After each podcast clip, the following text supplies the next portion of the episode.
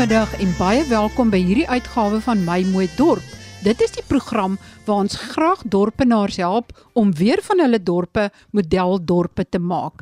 En dit beteken dat alle dienste wat gelewer moet word, gelewer word en dat die dorp weer mooi en aantreklik, skoon en netjies lyk met heel paaie sonder slaggate met gereelde kragvoorsiening en skoon water. En natuurlik dat daar werkskepping is. Ons het die afgelope 2 weke eintlik bedroewende nuus gedeel en dit is dat die ouditeur-generaal gesê het hoe swak die meeste munisipaliteite vaar en verlede week het ons gekyk na spesifieke probleme rioolbesoedeling van waterbronne slaggate in die paaie en nog veel ander probleme. Maar na twee swaarmoedige episodes is dit nou weer tyd vir 'n fraai episode. En daarom gesels ek vandag met Dr Erns van Jaarsveld, bekende botanis verbonde aan Babylonstoren en ons het al in hierdie reeks gekyk na verskeie biome in Suid-Afrika, want as jy plaaslik inheemse plante groei in jou tuin en in jou dorp plant en jy versorg dit die eerste 3, 4 jaar baie goed, kan jy daarna eintlik terugstaan en kyk hoe dit floreer, want dit is van daardie streek en dit aard in daardie streek. Ons gee vandag die eerste blik op die woestyntuin en moenie dink dat niks hier groei nie. Dokter van Jaarsveld deel baie interessante inligting, eintlik verstommende inligting oor die plante en spesifiek die welwitschia van hierdie streek maar ek verklap niks verder nie. Luister gerus. Maar dit so daar is 'n deel van die woestyntuin wat wel onder die winterreënstreek val, maar eintlik nie. So die woestyn is 'n ja, is 'n baie baie interessante deel en is eintlik 'n deel wat verskriklik dor en leeg lyk, maar eintlik baie ryk aan aanpassings omdat die omgewingsdruk soveel groter is. Dit is een van ons kleinste biome in in ons eie land, maar strek hier in die westelike halfte ook van Namibië en dan tot ook in die suidwestelike deel van Angola. So is oral langs die die die Namib-woestyn. So die suidelike deel kry wel 'n winterreënstreek en natuurlik wat hom so uniek maak hierdie uh, stuk woestyn is daar die Malmokkie omdat dit 'n koue oseaan is in plaas van gewone wolke wat vorm vorm hy hierdie lae banke, misbanke. En dis natuurlik waar die plante so absoluut afhanklik is en dis wat hierdie woestyn so uniek maak. Maar die dele wat ook woestyn is natuurlik is in die laer Oranje riviervallei en dit is baie baie dor daar by Onseepkans en ek dink byvoorbeeld aan Noordoever en Appington. En dan sou ook selfs 'n klein stukkie woestyn sommer hier naby ons die Tankwa Karoo of dele van hom waar die reënval uh, minder as 3 duim per jaar is. Of ek praat nou in duime ek het so geleer maar 75 mm die grootste ding van so 'n woestyn is hy onvoorspelbaarheid veral wat daai reënval betref. Want die enigste voorspelbare konstante wat jy eintlik het in hierdie Namib-woestyn aan die kus is daar die misbanke. Dit het aanleiding gegee tot daai absolute spesialis uh, plante wat daar voorkom. Maar om tuin te maak in daai deel is 'n uitdaging. Soos jou tuin geleë is in daardie deel, is dit ideaal vir 'n vir 'n woestyntuin. En ons sit met so geweldige uh interessante verskeidenheid in van verskillende plantfamilies met 'n baie hoë graad van aanpassing om daai vog in die hande te kry. En dit wys vir ons weer ons het beslis die Namib-woestyn is een van die oudste woestyne in die wêreld. Ouer is byvoorbeeld die Atacama woestyn en ons sien dit weens daai graad van aanpassing wat absoluut 'n uh, spesialis is. En ek kan een plant hier uitsonder, die dooiblaar kanidoot. Ons ken hom as Welwitschia mirabilis of die afkopboom. Wat hom so absoluut besonder maak, hy's so vaartbelyn die plant Marie, hy kom op as 'n gewone saailing. Hy hy hy's eintlik 'n keeldraande plant wat almoes uitgesterf het, maar hy kom op as 'n gewone saailing en dat hy twee sailingblare. En die vervang hy dan kom dan kry hy sy twee permanente blare. En dan gebeur 'n vreeslik interessante ding. Die plant onthoof homself. En daarom word hy in Afrikaans ook genoem die afkopboom. So, groeipunt kry 'n stopper op. Al groei wat dan plaasvind is in daai twee blaartjies sy eerstelingblare wat hy kry na die uh sy sailingblare. En daai blare hou net aan groei uit daai groef uit in en omtrent 15 cm per jaar as hy nou volwasse plant is. Daarom weet ons dis die plant met die langste blare in die wêreld want hulle kom uit soos 'n konveierbelt net uit daai hy groei net aanhoudend uit. Dis die enigste immergroen plant ook in die wêreld want alle ander plante, selfs immergroen plante verloor hulle blare, maar die welwitschia verloor nooit sy blare nie. So hulle kom uit soos 'n konveierbelt groei net uit 15 cm as jy dit maal met 1500 jaar wat die plant kan word, dan weet ons is die plant met die langste blare. Maar daai blare in die woestyn is nooit so lank nie want wat gebeur is, soos die plant nou vergroot en in die, die basis van die stam word nou al hoe breër, soos hy blaar verbreed, daai blare lê op die woestyn se warm grond en dan brand hy. So dan verweer hy aan die punte en dis hoekom hy lyk altyd toyingerig daai daai punte van die blare. Uiteindelik lyk hy soos 'n seekat. So dis 'n dis 'n minimalistiese plant. Dis 'n plant wat so vaartbelyn is dat hy in sy eintlik in sy jongelingsstadium vasgehak het. En dis 'n plant wat geen bagasie dra nie. Alle ander plante dra bagasie. Byvoorbeeld hulle moet vervang vervang blare. Hulle moet ou stingels vervang. En Welwitschia het niks om te vervang nie, want sy blare hou net aan groei. So is 'n minimalistiese plant. Hy kan dan absoluut net fokus op een ding, is om keels te dra. Of vroulike keels in die geval van die vroulike plant of mannelike keels. So hy is so vaartbelyn en hy's eintlik 'n paradoks want jy dink hy kom in daai woestyn voor. In gewoonlik het woestynplante klein blaartjies, weet want jy wil jy wil mos nie jou blare laat oor stres met te veel verdamping nie, maar daar's 'n rede by want hy kom voor in die dele waar jy die mis kry. En daai breë blare kondenseer daai malmokkie of daai mis wat inkom van die see se kant af, kondenseer by blare en dan drup dit grond toe en dis hoe die welwitschia sy ekstra water in die hande kry. En ook interessant van saailing of ek het nou al vir ja, baie jare gekweek by by Kersmos en nou ook hier by Babelstoring. Wat interessant is is die saailing opkom en maak 'n diep penwortel. So daai worteltjie gaan soek maar altyd ekstra water en as jy gaan kyk in die namme waar hy voorkom is altyd in ou droë rivierloope. So daai worteltjie groei baie diep af. Partykeer so 'n meter, partykeer nog meer as 'n meter. Maar dan het hy die diep wortels wat gaan water haal, maar dan het hy ook vlakker wortels wat natuurlik die vog benut eh, van wat van die blaar afdruk is as hy so inkom. Dit is net 'n besonderse plant en jy jy wetenskaplikes van reg oor die wêreld en ander mense wat van lief is vir plante wat kom kyk na Welwitschia. En dit is seker een van die plante in die wêreld waarop die meeste navorsing gedoen is. Juis omdat hy so ongelooflik interessant is vaartbelyn vir daardie stres van die woestyn in 'n uh, gevorm deur 'n miljoene jare se swaar kry. En dit behoort aan 'n groep plante die Gnetalis waarvan die meeste al uitgesterf het. En wie is so interessant Marie wat hierdie Welwitschia betref.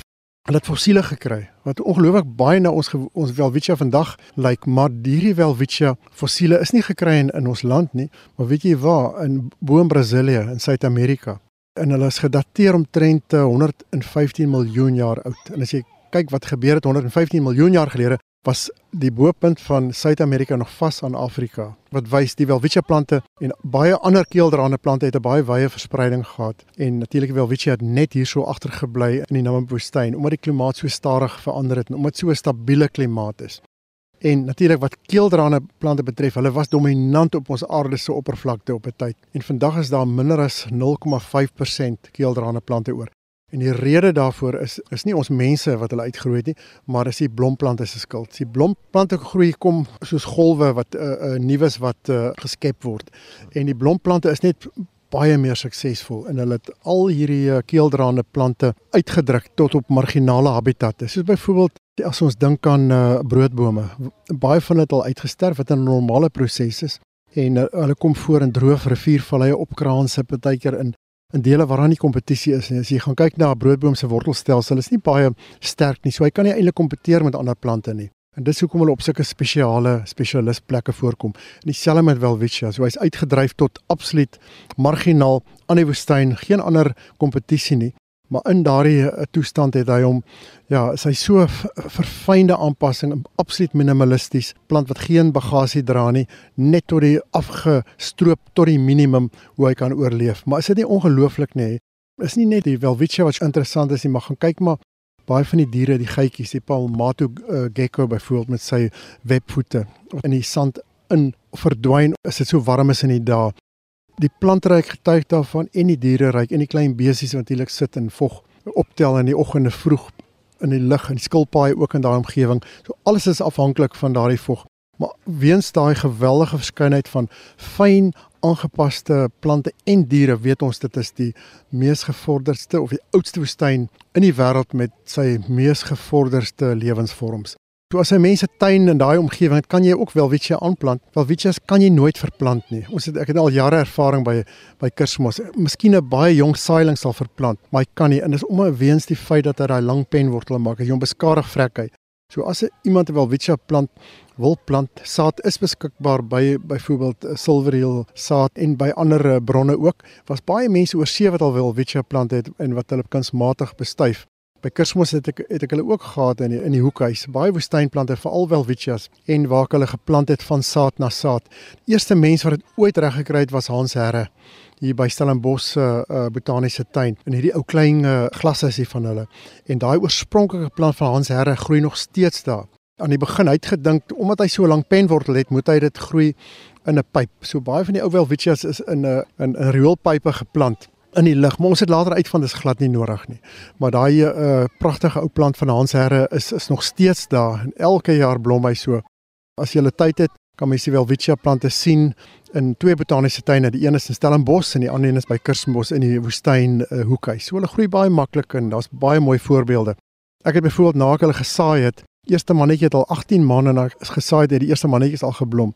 Die wyfies blom eers na 5 jaar. Maar dis natuurlik ideale toestande want, want ons het hitte voorsiening vir hulle gegee en natuurlik genoegsaam water het ons hulle so gedruk. Mannetjies sal altyd eerste blom want om 'n manlike keel te produseer is baie baie makliker vir die plant want dit is so klein hulle al wat die die manlike keel dra is die bietjie styfmeel maar om 'n vroulike keel te produseer kos die plant baie so die plant kan dit eers bekostig as die wyfie so 5 jaar oud is dan kan sy dit waag en dan om daai keeltjie te produseer want hy natuurlik die elke saadjie het, het baie kos in want want hy moet daai saailing plantjie uh, groot maak tot hy groot is. So dis nie soos by diere waar wat melk dra wat wat die ma nog 'n kleintjie kan kyk nie. Is is daai saad is wat die plant se kinders is weggelaat is, is hy op sy eie.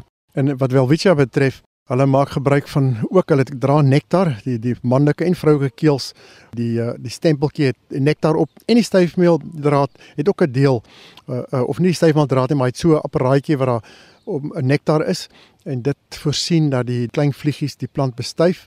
En na bestuiving dan swel die wyfie keel op, maak haar kleintjies groot en dan op die regte tyd val die keel uitmekaar uit elke saadjie het 'n vlekkie. In die vrye kommoditeit in daai woestyn is natuurlik die baie wind en dit dan so die plant maak gebruik van die wind om daai saadjies te versprei. En as daai saadjie in 'n in 'n bos of in 'n of 'n klip vasval en hy's in die naby die grond en hy word toe toegewaai deur die sand, so is dit reën, dan kom hy op.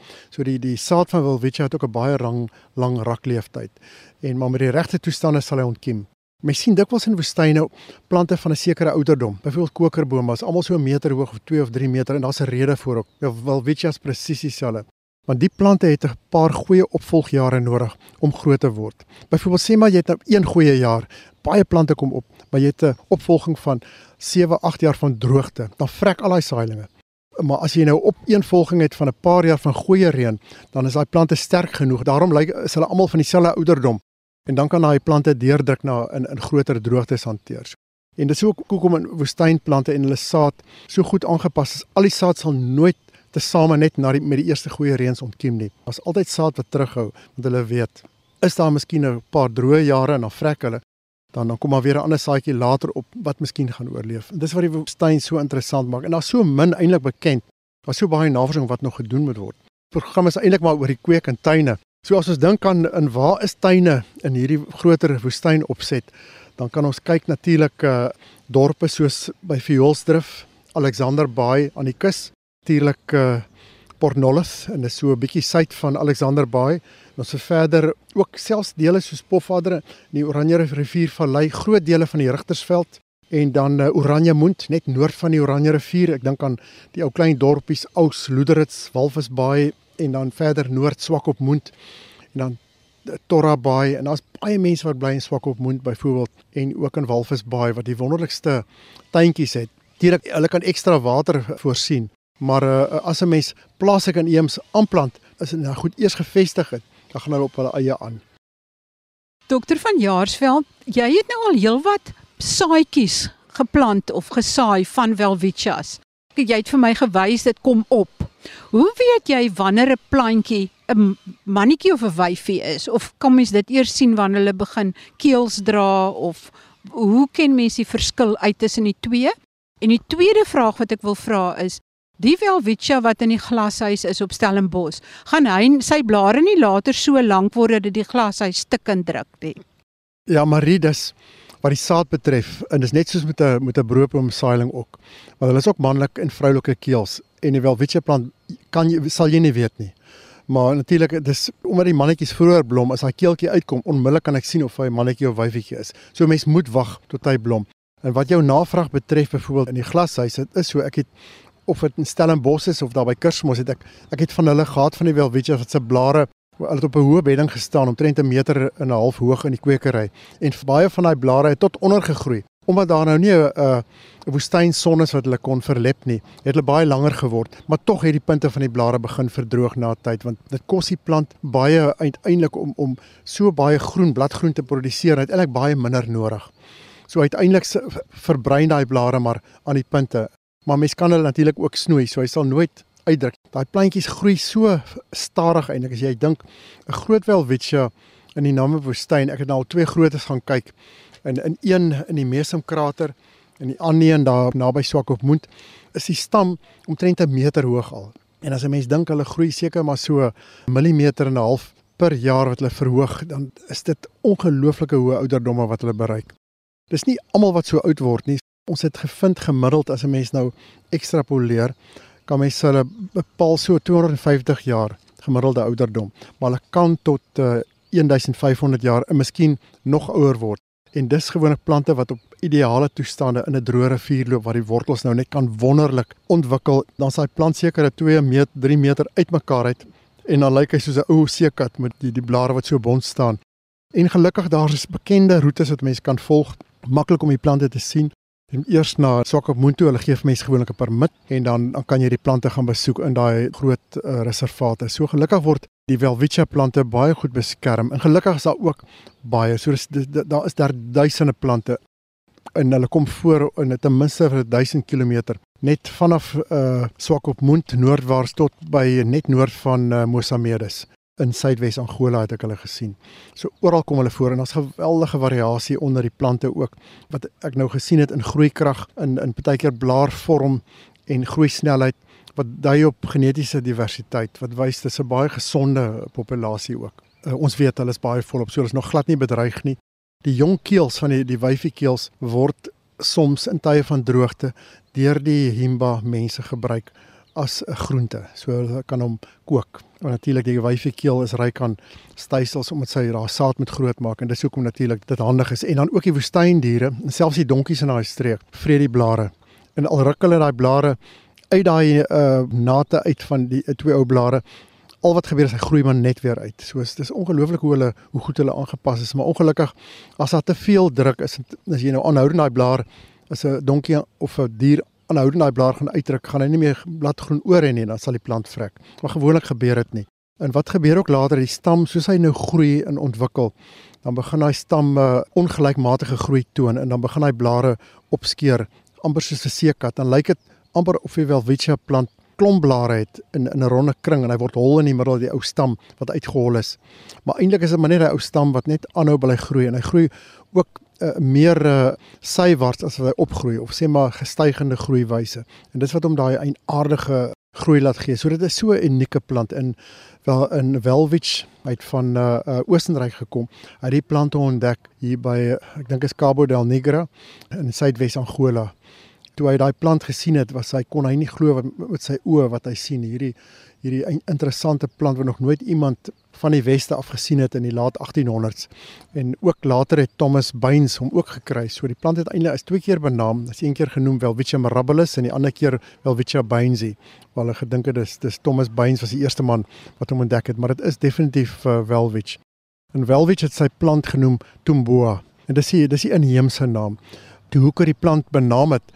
Toe hy vir 'n uh, uh, Welwitsch gevra asseblief kan hy hom nie maar herbenaam en na na Welwitsch self vernoem nie? En uh, Welwitsch het toe gesê is reg. En so het die die plant se naam verander na Welwitschia en tot vandag toe is hy nou bekend as die Welwitschia mirabilis. Mirabilis is maar net 'n sê maar net 'n wonderwerk. En dit is definitief 'n wonderwerk van die natuur omdat daardie plant eintlik al moes uitgesterf het en oorleef het So hy groei goed in potte ook. Ek het baie keer gesien mense in oorsee in Kalifornië aan die suide om inhouers aanhou in Suid-Afrika ook. Ek het selfs maar hier in Duitsland in die botaniese tuin Berlin-Dahlem, pragtig botaniese tuin. Hulle groot klomp plante en hulle gee hulle baie gooi hulle goed nat elke week. Al wat 'n mens moet sorg is dat hy net baie goed dreineer. Ek weet in in Berlyn het hulle baie veenmos want die veenmos is suur en dit suurgrond en die suurgrond is is goed so in dit moedig swamme af. Want die grootste probleem is onthou daai plant is 'n woestynplant. 'n Skielik plant jy hom in 'n deel met hoë vog en daar's baie spore van ander swamme en hy's hy's min bestand. So hy kan maklik swamsiektes kry. En dis hoekom mense hom dikwels 'n suurgrond plant wat ook werk. Maar gelukkig Welwitschia is meer 'n klimaatspesialis as 'n grondspesialis. Jy kan hom plant van baie suurgrond, kan hom plant in alkalisiese grond, sanderige grond, kleigrond, solank dit nou uh, uh, daarom nie te klei is nie, maar hy is ongelooflik goed aangepas by verskillende grondomstandighede. Maar hy's meer 'n klimaatspesialis want hy kom net in daai deel voor waar jy daai misbelt kry van die woestyn. Maar dit dit maak dan nie saak of die grond alkalis of of dit nou graniet of uh doleriet of sandsteen is of so nie. Maar een ding wat natuurlik nie kan hanteer nie is daar duine in die omgewing as die duine skuif. Hy kan nie vinniger groei as wat die duin oor hom groei nie. So die duine sal hulle sal hulle beslis baie gou doodmaak. Om terug te keer na die klimaat van ons woestyne elke groeistreek word bestuur deur omgewingskragte en die plante is natuurlik hierby aangepas. En uh, as ons dit kan verstaan, is dit baie makliker om die plante in ons tuine se groeigedrag te verstaan. En wat bestuur die dorre namme is natuurlik soos droogtes wat ek genoem het met kort periodes van onvoorspelbare reën. Die reën kom soms voor, maar veral in die herfs en dan ook soms in die lente wat die namme uniek maak teen ander woestyne is natuurlik daai koue Benguela stroom wat noordwaarts loop. Die wolke gereelde miswolke bekend as die Malmokkie. So dis eintlik 'n 'n koel woestyn wat in 'n tropiese klimaatstreek geleë is. En dis dis daai uniekheid. En dit laat my dink aan die Galapagos eilande. As jy dink die Galapagos eilande is in die trope, maar dit 'n koue seestroom. En met die gevolg hier daai verskriklik interessante aanpassings van daai groot skilpaaie en al daai diere wat van Galapagos eilande. So daar jy ander interessante aanpassings ook, want die daai see is koud in die trope en uit selfs pikkewyne by Galapagos wat uiteindelik 'n onbekende ding is om pikkewyne in die trope te sien en so meer. Sowel Wicha kom voor noord van die Steenbok skeerkring. En uh, so dis 'n unieke kombinasie van faktore wat wat daai woestyn so uh, uniek maak. Baie dankie aan Dr Erns van Jaarsveld, bekende botanis, tans verbonde aan Babylon Storen hier in Wes-Kaap, oor hierdie inligting oor die verstommende plant, die Welwitschia, wat in hierdie verskriklike dorre gebied kan groei. In die oudste woestyne in die wêreld en die oudste plant in die wêreld. Tot volgende keer wanneer ek weer oor interessanthede gesels wat jou dorp en jou tuin raak. Baie groete van my, Marie Hudson.